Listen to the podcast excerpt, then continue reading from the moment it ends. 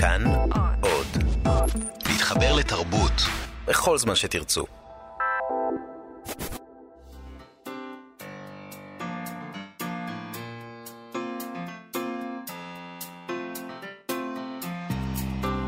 מה שכרוך, עם שירי לב-ארי וענת שרון בלייס. שלום לכם מאזינות ומאזיני uh, כאן תרבות, אנחנו עם uh, מה שכרוך, מהדורת סוף השבוע של תוכנית הספרים שלנו. שלום לתמיר צוברי על הביצוע הטכני ולליטל אמירן על ההפקה. שלום ענת. חשבתי שאת הולכת לומר תוכנית הצעצועים שלנו, כי בשבילנו זה צעצועים, לא? אנחנו בחדר המשחקים שלנו עכשיו בשעה הקרובה. אז האולפן uh, מלא ספרים ומלא סופרים, אבל לפני זה אנחנו מדברות בעצם על הספרים המיתיים. שמלווים אותנו עכשיו בפרשות השבוע עם סיפורי בראשית, סיפורי המשפחה המשובשת הזאת. ואנחנו עכשיו מגיעים אל פרשת חיי שרה, שאומנם מרמזת על חיים, אבל היא מביאה לגמרי את המוות, את מותה של שרה, סמוך מאוד לעקדת יצחק, לעקדה של בנה, אישה שהייתה עקרה רוב שנותיה, וכנראה נותרה מרירה. חיה בזוגיות לא מאוד מוצלחת עם בעלה, הם היו יותר שותפי גורל מאשר זוג, והוא גם הסתיר ממנה את המעשה החמור שעשה. והיא מותירה אחריה חלל גדול, בעיקר בלב בנה יצחק, שמתנחם בשידוך שהובא לו. רבקה, הוא אוהב אותה.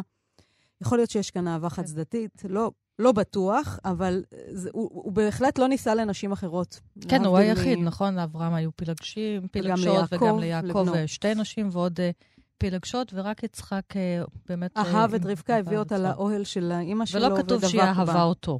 לא רק שהיא לא אהבה אותו, היא גם רימתה אותו, והיא הייתה, okay. הייתה טיפוס. לא הרבה כותבים על רבקה, אני חושבת. זה בשבוע הבא, הרמאות. זה, הרמאות והסכסוך הפנימי הזה, זה בשבוע הבא. אבל היא באמת, רואים כבר בפרשה הזאת נערה פעלתנית, שממתי שואלים את פי הנערה, כן? אבל אותה שאלו. והיא גם הפתיעה את כולם, היא אמרה, אלך. כן. זאת אומרת, היו בטוחים שהיא תגיד לא ותבטל את כל השידוך הזה, את השטר חליפין הזה, כי הם קצת התחרטו בבוקר, אבל היא בחרה בכל זאת אה, ללכת, בחורה נועזת, ו... או שהיא סלדה מהמשפחה שלה ומהאחי הנכלולי, או שהיא רצתה חיים חדשים, חלמה על מחוז חרבת. או שכמו שמנחם פרי כתב במאמר המופלא שלו, היא התאהבה בעבד. היא חשבה שהוא השידוך שלה. בא הבחור על סף הבאר עם כל ה... תכשיטים. עונד לה תכשיטים. קרה לה איזה משהו, יכול להיות. לא. בסגנון I'm a material girl. אבל היא הייתה מאוד עצמאית והלכה אחריו, וכשהיא ראתה את יצחק... היא נפלה מהגמל ולא התאוששה מזה, לדעתי, אף פעם. אז uh, אנחנו פוגשים אותה השבוע. נפלת פעם מגמל, שירי? רכבתי על גמל בילדותי, אני חייבת להגיד שזו חוויה די מפחידה. דודה בשתי. ואני גם מרחמת על הגמלים. מאז שבגרתי, אני מרחמת על, ה, על התענוג המפוקפק כן. הזה שנותנים להם uh, לשאת על גבם. האמת היא שנוסעים באמת דרומה לכיוון אילת, ושם למדבר, אז רואים אותם עם, ה... עם הסוג התיירות הזאת של רכיבה על גמלים, ולי זה שובר את הלב. ואגב חיות, השבוע יונתן שלי חטף מכה ביד באימון הכדורסל, מה שקצת הרחיק אותו מן מסך המחשב ומה Fortnite, ומצאתי אותו יושב על הכורסה, קצת עגום, אז התיישבתי איתו והתחלנו לדבר. מה זה, מזמן לא עשינו את זה, מין דיבורים פילוסופיים. שאין Fortnite אפשר לדבר. כן, אפשר לדבר. דיברנו על זמן, כי הוא שאל אותי מתי זה יעבור לו, מתי האצבע הכואבת תעבור לו. אמרתי לו, זה יכול לקחת עוד כמה שעות, וזה יכול לקחת עוד כמה ימים. ואתה יודע, ואז הוא נעשה עוד יותר עגום, כי הוא מודע לזמן, הוא שמע את אימא שלו שאומרת שאולי זה יהיה ארוך יותר. ואמרתי לו, תראה, זה מעניין, החתול לידינו, החתול שלנו, אחד מהם, הוא לא מבין מה זה זמן כשכואב לו, הוא לא, לא יודע אם הוא צריך להיות עצוב, כי זה ייקח הרבה או ייקח מעט. ואז הוא אמר לי, אבל הוא יודע, הוא וחיות אחרות, הם יודעים דברים שאנחנו לא יודעים, הבני אדם. אז אמרתי לו, נכון. ואז התחלנו לדבר על ציפורי נוד, הציפורים הנודדות, איך הן יודעות לעוף מצפון אירופה לאפריקה ובחזרה. אין להם GPS, הם לא שמעו על Waze. הן יודעות לחזור אפילו לאותה שכונה ולאותו עץ שממנו הם פרחו אי שם בסתיו, אה, ולעשות את זה שנה אחרי שנה. והמשכנו לדבר על, ה, על זמן. ועל השרירותיות שלו, ואמרתי לו, מי חילק את היממה ל-24 שעות? אולי אפשר היה לחלק אותה אחרת. הוא חשב, אבל לא ענה לי, ואז אמרתי לו, מי חילק את השבוע לשבעה ימים? וכאן הוא אמר לי, אמר לי, מה זאת אומרת? אלוהים החליט. הדתה בבית משפחת... uh, בלייס, כן. אז לא, אני דווקא אמרתי תשובה מצוינת, לא נשלח אותו לחינוך מחדש אצל רוגל אלפר. לא, אם הוא משוכנע, אז הוא רגוע. זו תשובה כל כך עמוקה יותר. זאת לא התשובה, סליחה, מה זה דתית? יכולה להיות דתית, רליגיוזית, היא לא התשובה של ההדתה, אבל. אז uh, אנחנו נשאר עם האלוהים החליט, והיום, אבל אגב אצלנו, אלוהים... הב... כן, הבית אצלנו נחלק, אה, זאת אומרת זמן וחלוקה כן. של יחידות זמן, אז אצלנו נחלק אה, לשעות פורט, פורטנייט. כן. מתי אפשר לשחק, מתי אפשר לצפות באחרים משחקים ביוטיוב. אתם מכירים את זה? יש לנו אורחים כן. באולפן, שלום עדי סורק ועידן צבעוני. שניכם סופרים, אורחים, אתם גם בני זוג שחולקים ילדים, אז מכת הפורטנייט הגיעה גם אליכם? המכה הגיעה, כן. כן. כן. אנחנו קצת הפסקנו להתייחס לזה כאל מכה. אין ברירה. זו דרך מעניינת, מה אתם עושים? כדי להמשיך אה, להיות בקשר עם הבן שלנו. אז אתם משחקים גם? האמת שלגבי הפורטנייט עדיין לא התעדכנתי. אני התעדכנתי בדברים אחרים, וחשבתי שזה יספיק לי לכמה שנים, אבל לא, זה, זה מאוד מהיר, כן. אז פורטנייט עוד... לא. אצלנו דותן משחק עם הילד, הם מעודכנים במשחקים. עידן. אבל האימא זה כזה, היא לא נחשבת, כי אני לא מבינה במשחקי מחשב. זה משחקי מלחמה. הגרסה שלי זה שאני קצת נרגעתי, כי לפני כמה שבועות הוא עלה לתורה. וקרא את הפורטנייט מפרשת השבוע שלו. שהיא הייתה? היה בראשית, פרשת ארבעה, בראשית, פרק ו'. מלחמת המלכים, ארבעה כן. מול חמישה מלכים. נו, אז היה לו את הפרק שאלוהים uh, מחליט uh, לברוא את העולם מחדש, כלומר, הקטע שלפני המבול, מכיוון שבני האלוהים באו במגע כן. עם, נשים. ועם, עם הנשים, ותהליך ההבדלה נפסק. אז uh, ניחם אותי ששמעתי לצד הפורטנייטים שלו, שהוא משחק והוא שם וטבול בזה, אז מדי פעם הוא פס... פצח בשירת המפטיר שלו. כן. אז זו הייתה הנחמה שלי. והבינו מאיפה, מאיפה נולדים המיתוסים. ו... כן. זהו. אז אפרופו המיתוסים וסיפורי התנ"ך, אה, עדי סורק, את מפרסמת רומן אה, חדש. חדש, נתן שמו, בהוצאת כתר, וגם שם יש גיבור שנודד, אפרופו אברהם שעשה את הלך לך, ושרה שעושה את הלך לך שלה. כאן, אני חושבת, הוא מתכתב עם דמות ספרותית נוספת, אה, מנשה חיים, הגיבור הטרגדיה היהודית המפורסמת של עגנון, אה, והיה יעקב למישור, סיפור קורע לב. גם זה סיפור קורע לב, אבל יש בו הרבה הרבה דברים בספר הזה, כיוון שהוא מתכתב עם הרבה מאוד טקסטים עכשוויים ועתיקים. נתן, דמות של ישראלי שהיה לו הכל, איש משפחה, יש לו אישה וילדים, והוא היה איש, איש עסקים מצליח, אבל הוא קרס. כן? רחמנא ליצלן, כמו שכותב עגנון, ירד מנכסיו, והוא נוסע לחו"ל, לחבר בברוקלין, שגם כאן אפס לא מנהל שם חיי משפחה מאוד מוצלחים ולא חיי uh, כסף מאוד מוצלחים, אבל הוא מוכן לתת לו ספה, ושם נתן מנסה למצוא את מזלו, רוצה להגיע לראיון אצל אל uh, הון uh, מאוד בכיר uh, בניו יורק. ולהתחיל מחדש. להתחיל מחדש. כן, לגמור עם כל הצרה הזו. כן, לגמור עם הצרה, לשקם את חייו, להביא לשם את משפחתו. נכון. איך נולד הסיפור שלך? איך הוא נולד? Uh, הוא נולד בחלקו מהיכרות אישית עם הסיטואציה, של משפחה שאיבדה את uh, הונה ונגזר עליה הגורל הזה, כשאני הייתי בת 19. אבל הוא חיכה הרבה שנים כדי להיות מסופר, או יותר נכון, כדי שאפשר יהיה להתחיל לגשש את, ה, את השאלה איך מספרים, אילו מילים יכולות לדובב סיטואציה סיפית כזו. אה, גם אה, מה החיפוש כאן בעצם? מה מחפשים כשמתארים את האדם הזה, שהוא באמת מחפש לצאת מהצרה הזו. אה, ואני כסופרת רציתי ללוות אותו בתוך הצרה הזו. לאפשר את השהייה עם אותו אדם שהעולם מתגלה בפניו אחרת, מתוך הסיפיות, שהוא... הוא כאילו מנוכר וזר לעולם, מרגיש תלוש לחלוטין. נכון. הוא מנסה להתחבר, אבל ממקום של תלישות, לא ברור שהוא מצליח להתחבר. הוא בעצם מותק מה, מהסיטואציה הרגילה שלו, הנורמטיבית. אה, הוא הופך להיות על סף חסר בית. חסר זהות כן. אפילו. כן. אה, חסר זהות. כי הוא יוצא, אז, כן. אז תעודת הזהות שלו היא איזה מכתב המלצה שכתב לו ידיד אחרון שהיה מוכן לכתוב משהו טוב. נכון. על האיש הכושל.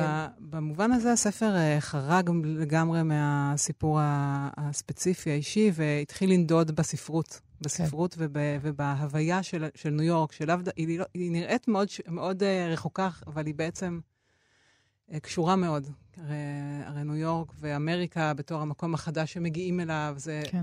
אנחנו... החלום האמריקאי, שגם ה- ה- הישראלים היום וגם היהודים בעבר, אה, כולם נסעו לאמריקה כדי להגשים את החלום. בואי נשמע קטע מן הספר, כדי שאחר כך אה, נבין עוד קומות שיש בו. מצוין. כאן זה אז... כשהוא באמת אמור ללכת לפגישה עם אותו אייל הון. הל גריפית. אני, אני רואה כזה כן. את טראמפ עם הבלורית כן. ככה לנגד עיניי, אבל אני לא יודעת למה את התכוונת. כן, אני באמת בעצמי תוהה. והנה מה שקורה במעלית. מה זה הל הזה? אה, אז הוא מגיע למעלית, והוא נמצא ליד, אה, לצד נער מעלית, ואני מתחילה לקרוא. באותו בניין עסקים כזה מאוד גדול. בניין מאוד משרד. גדול, הוא אמור להגיע לקומה 505, אה, וזה די מסובך. כן, לפעמים הם נרדמים. זה בעצם המונולוג של נער המעלית. כן, לפעמים הם נרדמים, ככה, פתאום קורסים באמצע הדרך, אבל אל חשש.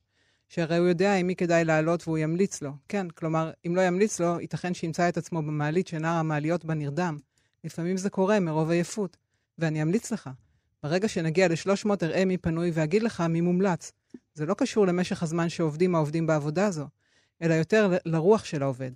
יש כאלו שהגיעו מראש מותשים, מכל מיני סיבות והתגלגלויות בחיים. אתה יודע מה זה החיים האלה, כן? אז יש כאלו שהגיעו מגולגלים מכל מיני נסיבות ומקומות ושכבות אוכלוסין עד שאינם מצליחים להחזיק מעמד כי הם כילו את כל כוחם בדרך. יש אחרים, עצלנים, שמנסים לרצות את ההורים שלהם, שדורשים שכבר יעבדו קצת ויצאו מן הבית, ולכן הם לא באמת מתאמצים. יש כאלה שהעבודה אינה מתאימה להם, העליות מעיפות אותם, הירידות מהירות מדי, המגע האנושי קשה, ולכן גם אם הגיעו מלאי כוונות ובעלי כוחות, הם נשחקים וכוחם לא עומד להם. אבל הם יודעים שאסור לעזוב מקום עבודה בחברה מבוקשת כל כך, והם נשארים, ונרדמים.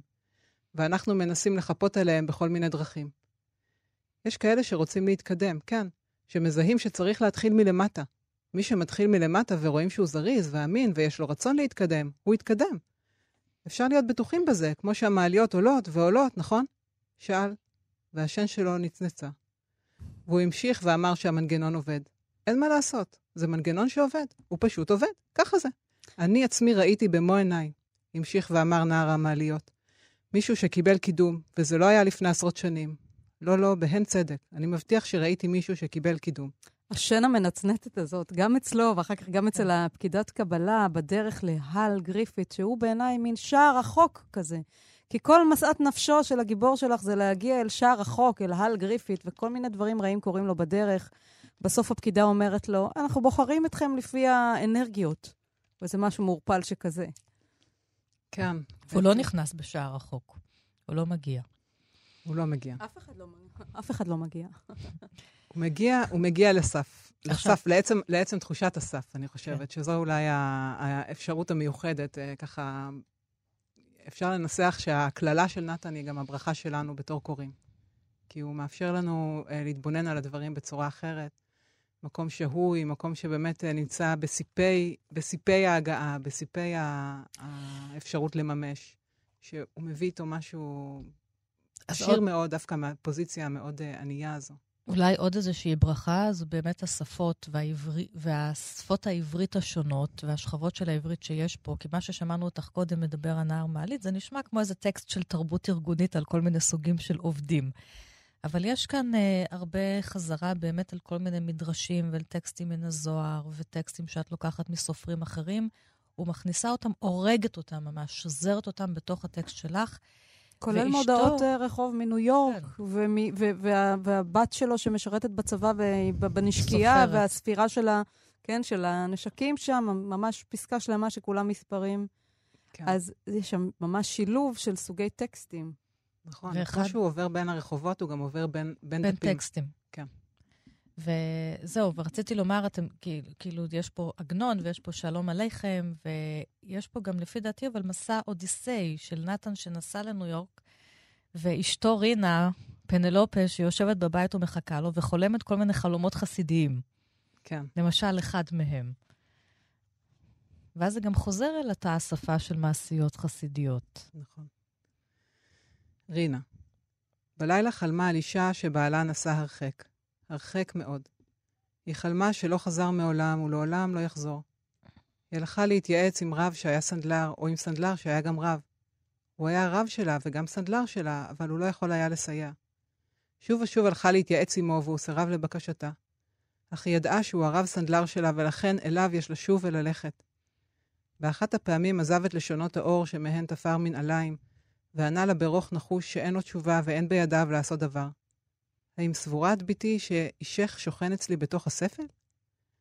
רינה האזינה בקפידה והתבוננה בתוך תוכו של ספל תה שנח על שולחנו של הרב סנדלר. ואכן, במעמקים, תחת טיון שהתנודד, נעה העניבה, העניבה שהם קנו לו לפני שנסע. עניבה תכולה שפס כתום חצה אותה במלוכסן. היא ניסתה לקרוא לרב הסנדלר שיחזה בפלא, אך הוא כבר היה עסוק בפגישה אחרת. אולי עם שד שהושיט לו לשון.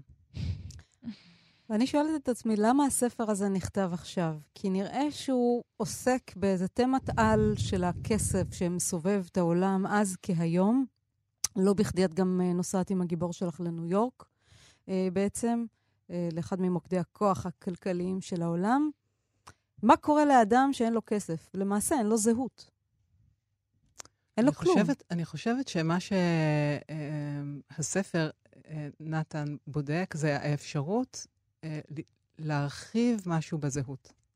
שהוא קורה לפעמים דווקא אה, מעיבוד, מאיזו התרוקנות של זהות. אה, ולכן יש את נתן עצמו שהולך ונהיה לאט-לאט מין יושב ספסל, שלא מוותר על האפשרות לצאת מהצרה הזו, אבל אנחנו בעצם פוגשים אותו במצב המשוטט שלו, המאוהר.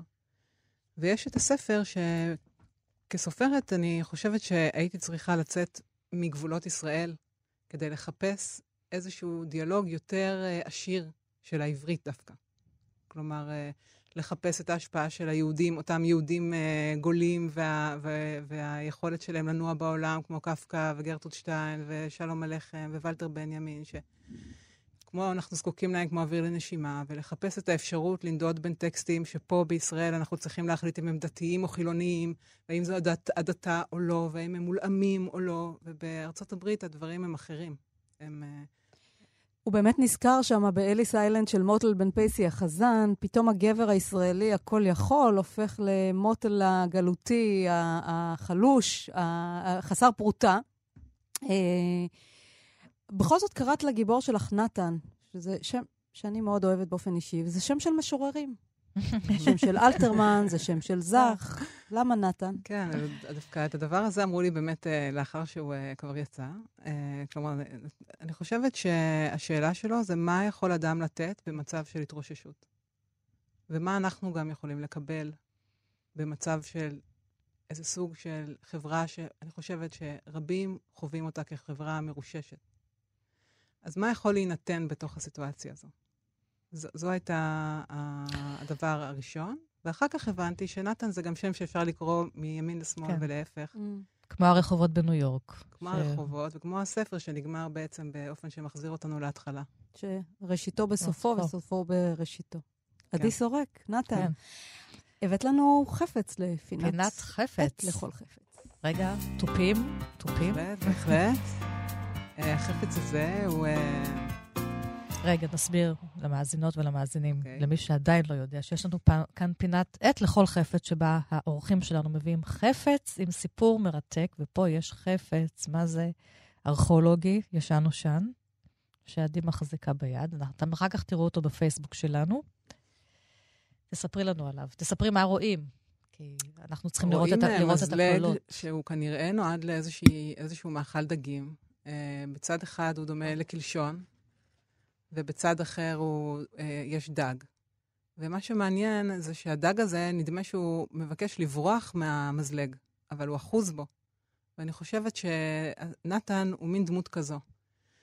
יש בו משהו, אה, מצד אחד, מין דג חופשי כזה, ש, שיצא מהסדר, אבל מצד שני הוא גם אוכל ונאכל, אה, שטוף בזרם, אולי אחד מאוד המונים. אה, ואיך אפשר להתבונן בדג אחד כזה שנמצא בתהום. איזו שורה יפה לסיום. איך אפשר להתבונן בדג אחד כזה, שנמצא בתהום. משוטט, כן. שט ומשוטט שט לו. שט ומשוטט, נכון. בתהום. תודה רבה. נשמע קצת תום uh, וייטס. תודה. פורג'ן אפרס שבחרת לשמוע.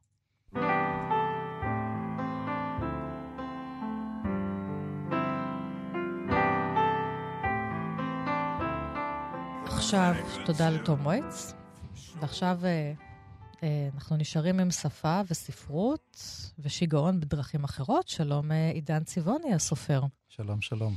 באתם, אז... הוא, בא, הוא בא מהחדר השני בבית, אתם חולקים אה, בית. אה, נראה לי שזו פעם ראשונה שאנחנו מראיינים פה זוג אה, סופרים שביחד.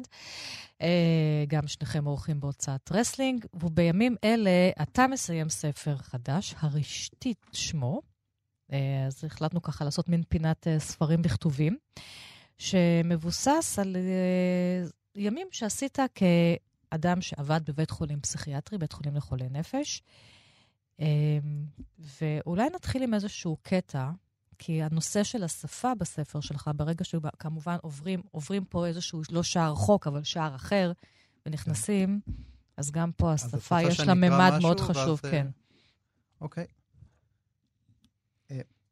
במחשבה טריה ושוטפת, הוא התעקש על כך שבכניסתו הראשונה למחלקה, סטודנט שנה א' לשפות נעזבות, בעצת ידידה שעבדה שם ימים רבים לפני שפגש את לילו, נאמר לו שהסובלים כאן הם לחלוטין חסרי תחושה, מיואשים או אדישים ברמה בלתי נתפסת, בלי שום סיבה נראית לעין, שהם הופכים לחסרי מנוחה, מדוכאים, חסרי שינה, או ששנתם היא שינה מופרעת.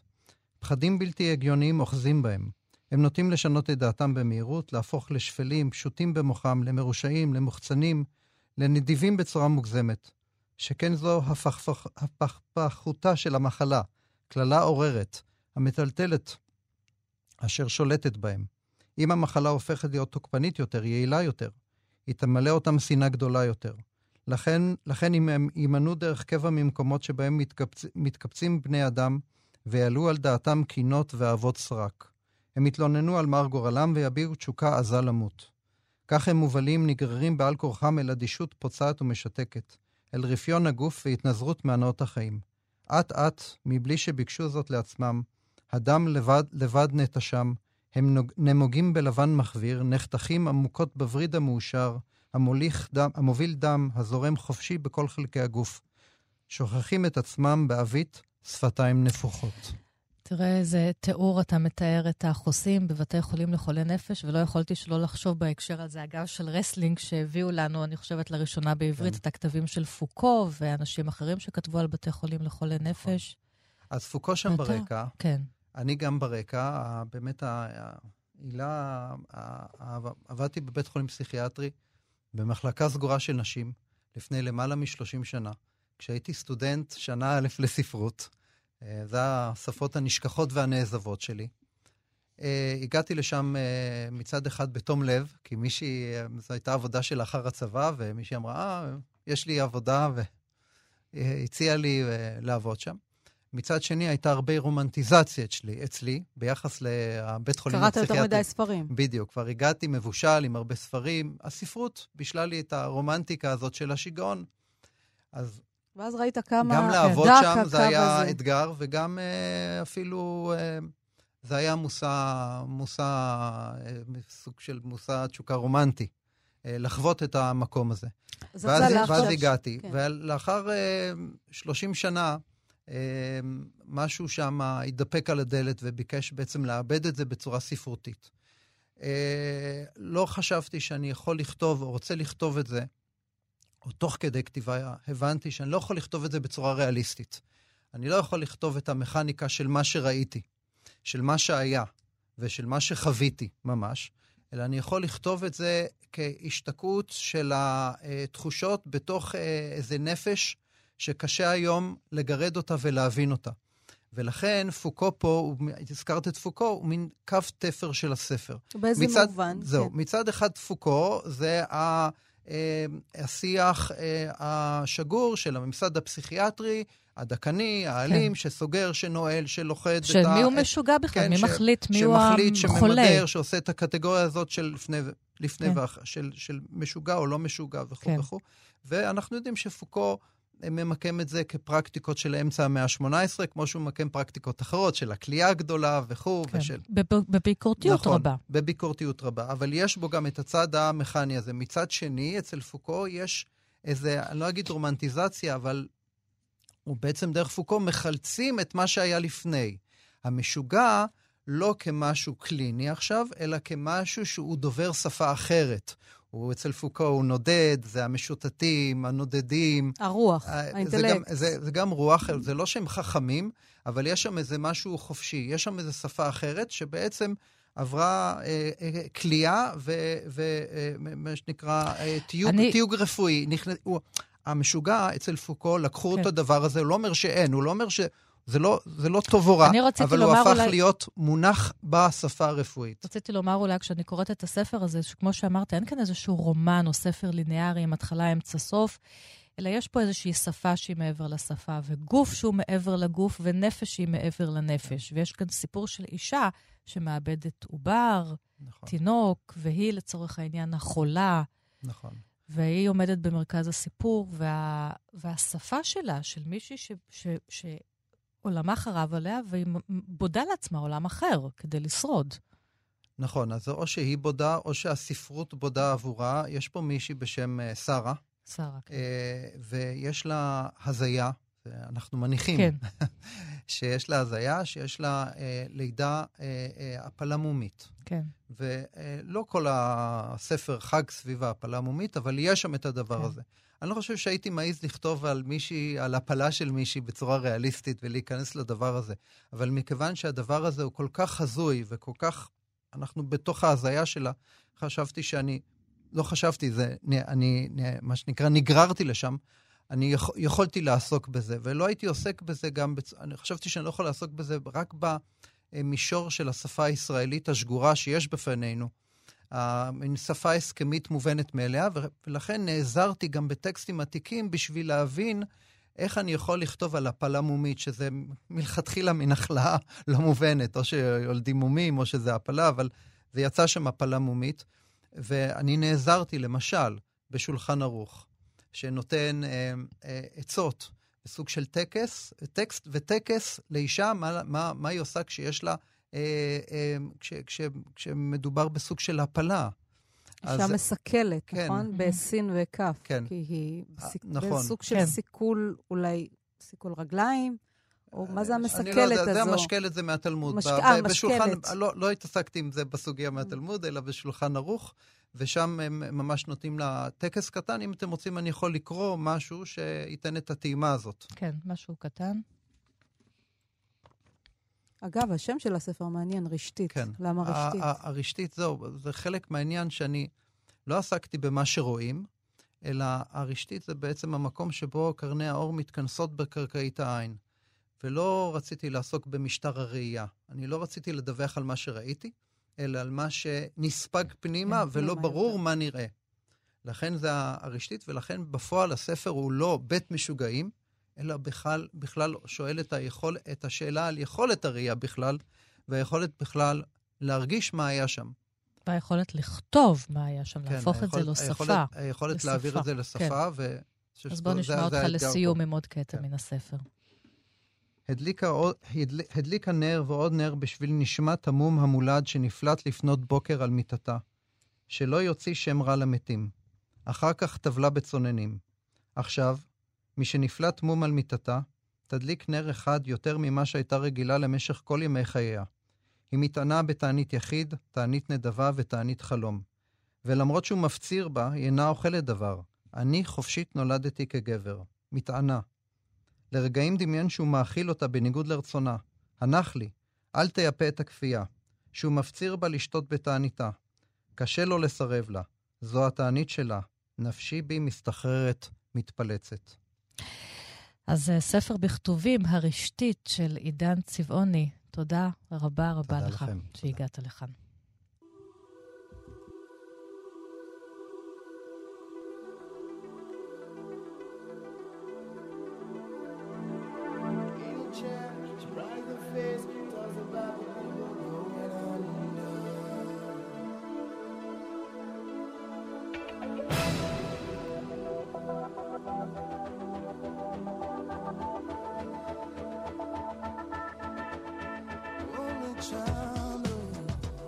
אחת המסות היפות ביותר בשפה העברית שעוסקת בשפה היא גילוי וכיסוי בלשון, שכתב אותה חיים נחמן ביאליק. אה, בין היתר הוא כותב שם על ההבדל בין אה, לשון בעלי הפרוזה ללשון בעלי השירה. אז הראשונים אה, סומכים עצמם על הצד השווה ועל המשותף שבמראות ובמילים, על הקבוע ועומד בלשון, על הנוסח המקובל. ואילו המשוררים הם רדופים כל ימי חייהם אחרי הצד המייחד. שבדברים, אחרי אותו המשהו הבודד, אחרי אותה הנקודה שעושה את המראות, וצרופי הלשון המכוונים להן כחטיבה אחת בעולם, אחרי הרגע בין החלוף שאינו נשנה עוד לעולמים, אחרי נשמתם היחידה וסגולתם העצמית של הדברים, כפי שנקלטו אלו ברגע ידוע בנפש רואיהם. והוא ממשיך ומתאר שם איך הם, המשוררים הולכים כמו על אה, אה, מצע קרח כזה, כמו על אה, קרח שקפא, אבל הוא גם סדוק, ממש מסכנים את נפשם וכל רגע ליפול אל התהום. דיברנו פה על התהום כדי לכתוב. והמסע הזאת עומדת אה, בתוך עבודת אומנות שעוסקת בכתב ברייל, והיא תהיה בשבוע הבא במסגרת אשכול תערוכות חדש במוזיאון פתח תקווה לאומנות. האומנית היא דפנה שלום. שלום לדפנה שלום. שלום, שלום.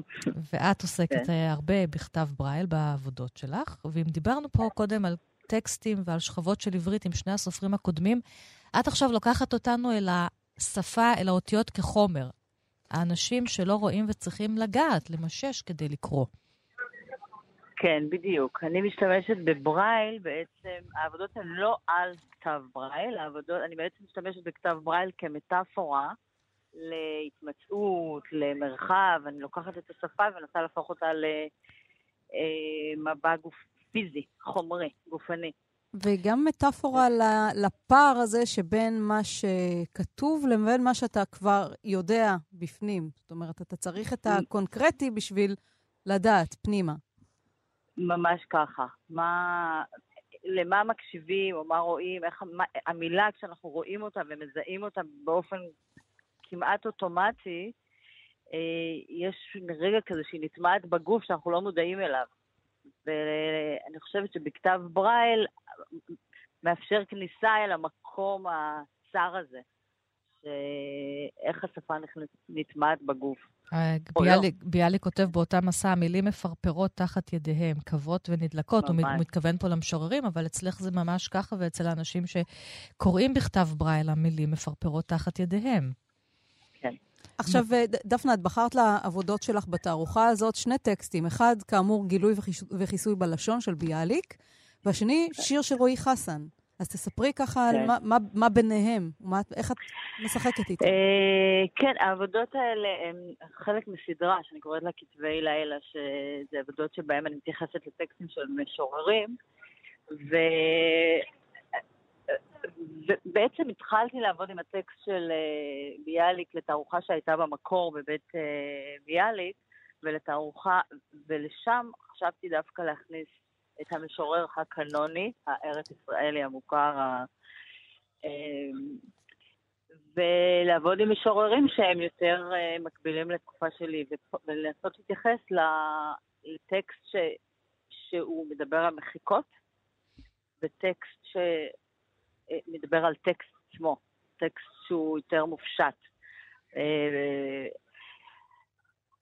הבחירה לתערוכה הספציפית הזו הייתה באמת, אה, אה, נבעה יותר מהתייחסות למיפוי, איך כמה אנחנו גיאוגרפית מתמקמים גם בתוך טקסט בהקשרים תרבותיים. כלומר?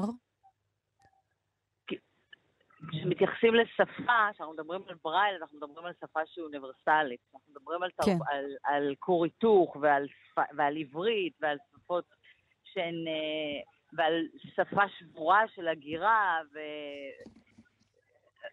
ועל רב תרבותיות, מזרחיות, מערביות, כן. אנחנו יותר מתייחסים, אנחנו מנסים כל הזמן לתמרן בין האוניברסליות של השפה לבין הספציפיות שלה, מבלי לדלג על מקומיות ספציפית.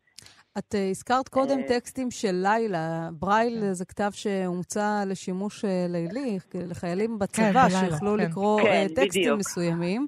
כן, משם התחל. השם של הסדרה התחיל מזה שבעצם כתב ברייל הוא יועד כדי שחיילים יוכלו לקרוא בלילה. אני את הסדרה הזו התחלתי לעשות בלילה, אחרי שהבן שלי נולד, ועבדתי עם הדפי ברייל העבודה בלילה מכניסה למצב תודעתי אחר. אני חושבת שאחרי זה שברייל שכלל את השפה אחר כך בעבור עיוורים, וזה שאני עבדתי עם הדפים בלילה ושבעצם העיוור הוא גם לא רואה, אה, אלה חיבורים שנוצרו תוך כדי עשייה. אגב, את עובדת עם הרעיון של ברייל גם בתכשיטים. כן. עושה תכשיטים שיש עליהם כתב ברייל. ברייל, זאת אומרת, כן, אותיות כן, ומילים. התכשיטים, את ה- התכשיטים התפתחו ממיצב אה, קיר שעשיתי במוזיאון אשדוד, ב- לתערוכה עד שתצא מקולי, שגם שם אה, בחרתי משפטים ישירים, ואותם אה, הצבעתי על, עשיתי תבליטים על אה, תכשיטי זהב שהיו תלויים על הקיר. ובעצם זה התחיל ממיצב קיר והתפתח לתכשיטים שאנשים אה, רצו והזמינו, ועבורי זה גם פרץ את ה... עבודת אומנות היא תמיד משויכת ונמצאת בתוך אה, קהלים מסוימים, במוזיאונים, בקופסה הלבנה, או לפעמים יוצאת ממנה, ופתאום תכשיט הופך להיות אה, מקום להציג, שעבודת אומנות היא חלק מהגוף. כן, את עונדת, את עונדת את השפה, את עונדת את השפה על הגוף שלך, ויש בזה שוב כן. גם כן מגע. תודה רבה לך, דפנה זו גם שלום. הזמנה למגע. כן. הזמנה למגע בשבוע תודה. הבא, ביום חמישי, במוזיאון פתח תקווה. העבודה שלך, אה, עבודות הברייל שלך אה, יוצגו שם. הלשונות, ה- עליית התהום עצמו, כפי שביאלי קרא לזה במסע היפהפייה הזאת, גילוי וחיסוי בלשון, שאנחנו תמיד מזמינות אתכם אה, לקרוא את מדהים. ה... כן, פשוט כך להנאתכם, אחת המסות היפות שיש על שפה. אה, עייפה, בובה, זה אהבה, ועייף מאוד הדוב. הצללים לחדר באו.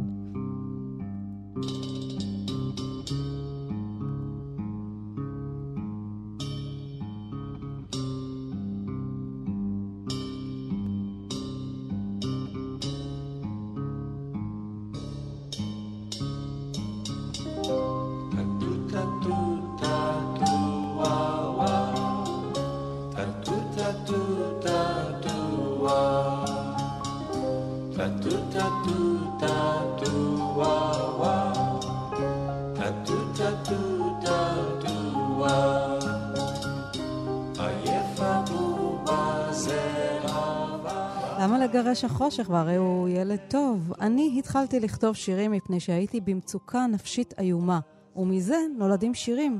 כך אמרה המשוררת מרים ילן שטקליס בריאיון ישן שנכנס לתוך הסרט התיעודי החדש לבדיתי של הבמאי אה, ראובן ברודסקי. הוא אה, ישודר במוצאי שבת בכאן 11, והסרט הזה הופק במסגרת הסדרה העבריים שמפיק יאיר קידר על סופרי ומשוררי ישראל. לבדיתי, מסרטט דיוקן של מרים ילן שטקליס, אישה יוצרת, מוכשרת, בודדה, עצובה, שיודעת לתווך לילדים את uh, צער העולם. בכיתי, חיכיתי, חיכיתי, בכיתי, בכיתי, ומי לא בא. פרח נתתי לנורית. אלה כאבים שיש uh, לילדים ולמבוגרים כאחד, ומרים ידעה לתת להם uh. אז אמר שמולי קראוס, ששמענו את uh, שירו ביחד uh, עם ג'וזי כץ, עכשיו uh, ברקע הלחין הרבה מאוד מהשירים של מרים ילן שטקליס. לשניים היה גם קשר מיוחד, ואנחנו נאמר שלום לזמרת ג'וזי כץ, שגם מופיעה בסרט. שלום ג'וזי.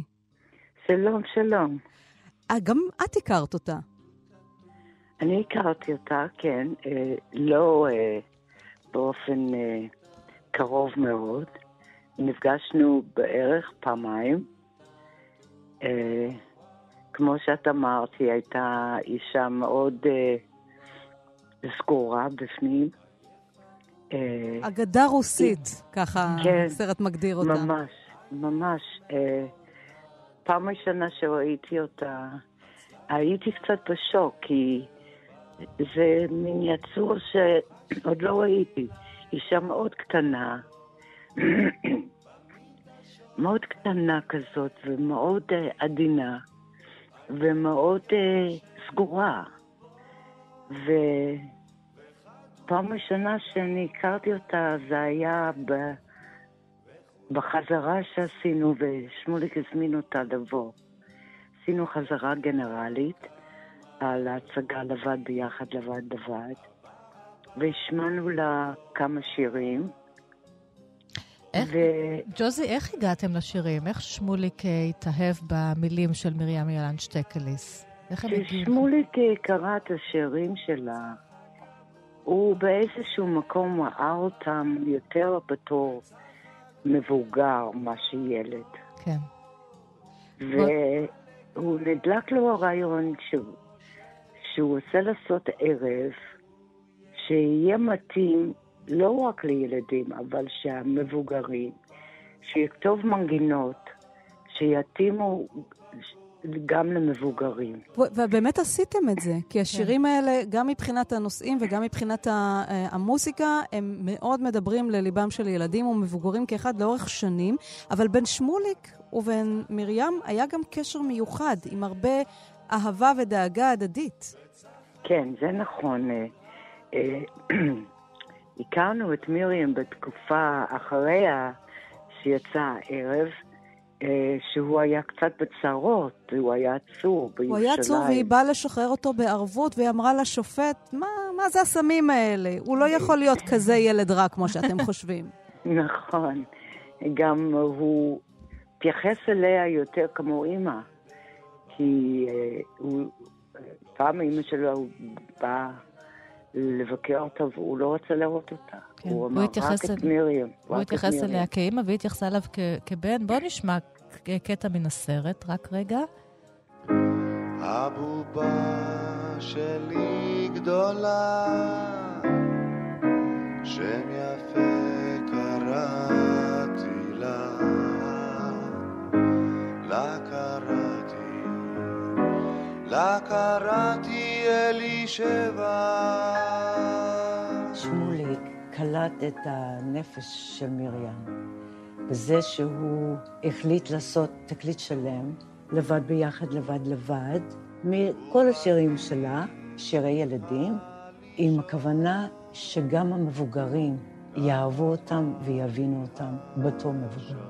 איך הבובה? הבובה, אני אוהבת את אוהבת את הבובה? אלישבע. אלישבע. אני אוהבת את הבובה הזאת, ג'וזי. היא אוהבת את הבובה הזאת, את ג'וזי. ג'וזי כן. אהבה את הבובה שהיית את. בתוך אה, הסרט, כן. זה מאוד יפה גם בעיצוב שלו, זה פחות ככה רלוונטי אלייך, ג'וזי, כי את לא הבימאית, את משתתפת בו, אבל יש גם בובה, עשו את מרים ילן שטקליס כבובה, שהיא ככה נמצאת בתוך הסרט ומטיילת שם בין כל מיני חפצים ובובות אחרות. איזה יופי. אה, והוא מעוצב מאוד מאוד יפה. ויש מי שאומר שם שאבל לא הייתה לה סבלנות לילדים. היא לא אהבה ילדים. ובכל זאת היא כתבה... אני קיבלתי רושם כזה, כן. גם את קיבלת רושם כזה? כן, הלכנו לבקר אותה בירושלים פעם אחת. אני הייתי עם שמוליק אז, אני לא יודעת אם הוא ביקר אותה יותר. והיא אמרה, אין לי ילדים ואני לא רוצה ילדים, הם מפריעים לי. אה, היא הייתה מוזרה, היא הלכה עם כפפות כל הזמן, היא לא רצתה, לא, רצתה שיראו את הידיים שלי, והיא הייתה אישה מוזרה מאוד. אבל, אבל... את, אבל באיזשהו מקום בסרט את גם מקריאה מכתב שהיא... היא כתבה לבן, לילד שלכם. זאת אומרת, באיזשהו אופן היא קצת הייתה חלק מהמשפחה, ואולי התייחסה לילדים נכון, שלכם כאל נכדים, במובן מסוים. נכון, נכון, היא, היה קרבה כזאת. היה.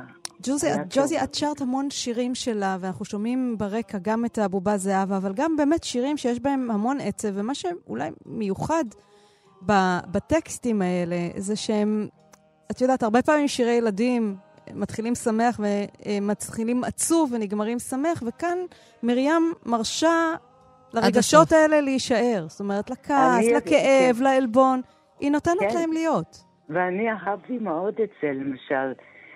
חיכיתי, חיכיתי, בכיתי, בכיתי. הרגשתי נורא קשר עם השירים האלו. אה, הם עצובים, חוץ מיש כמה, כמו עצו עצו גמדים. או נתפייסה. כן. אבל זהו, החיכיתי, חיכיתי, הוא מין שיר כזה שהוא תמיד נכון לכל גיל. מה, גם, גם היום אנחנו לפעמים מחכות מחוקה, ומי לא בא, מיכאל, גם היום. כן, יש לי סממורת עכשיו. שאני חושבת על זה. אז איזה כן. שירות שלה הולכות איתך עד היום? כן, כן. כן. מרים ילן שטקליס. תודה רבה לך, ג'וזי כץ. אין בעד מה, שהצטרפת תודה אלינו. לך. והסרט אה, של ראובן ברודסקי במסגרת הסדרה העברים אה, ישודר במוצאי שבת, בכאן 11, ובהמשך יהיו סרטים נוספים על עוד סופרים ומשוררים, וגם עליהם עוד נדבר כאן אה, בתוכנית נהדר. הזאת.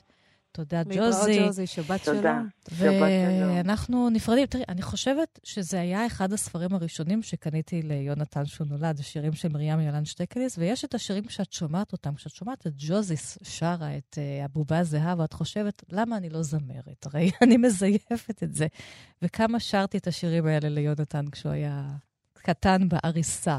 כן, ואצו רצו וטינטן, כן, ונתפייסה, שיש גם כמה שירים באמת אה, כן. עם, עם, עם אנחנו רוח נ- חיובית כזו של אה, מרים אנחנו ילן שטקליס, אגדה רוסית. מסיימות. תודה, תמיר. צוברי, תודה ליטל אמירן. אנחנו נלך לראות אולי מיכאל בכל זאת הגיע. יכול להיות, לפעמים הוא גם מגיע. שירי לב-ארי. ענת שרון בלייס, מאזינות להתראות. ומאזינים, שתהיה שבת שלום להתראות.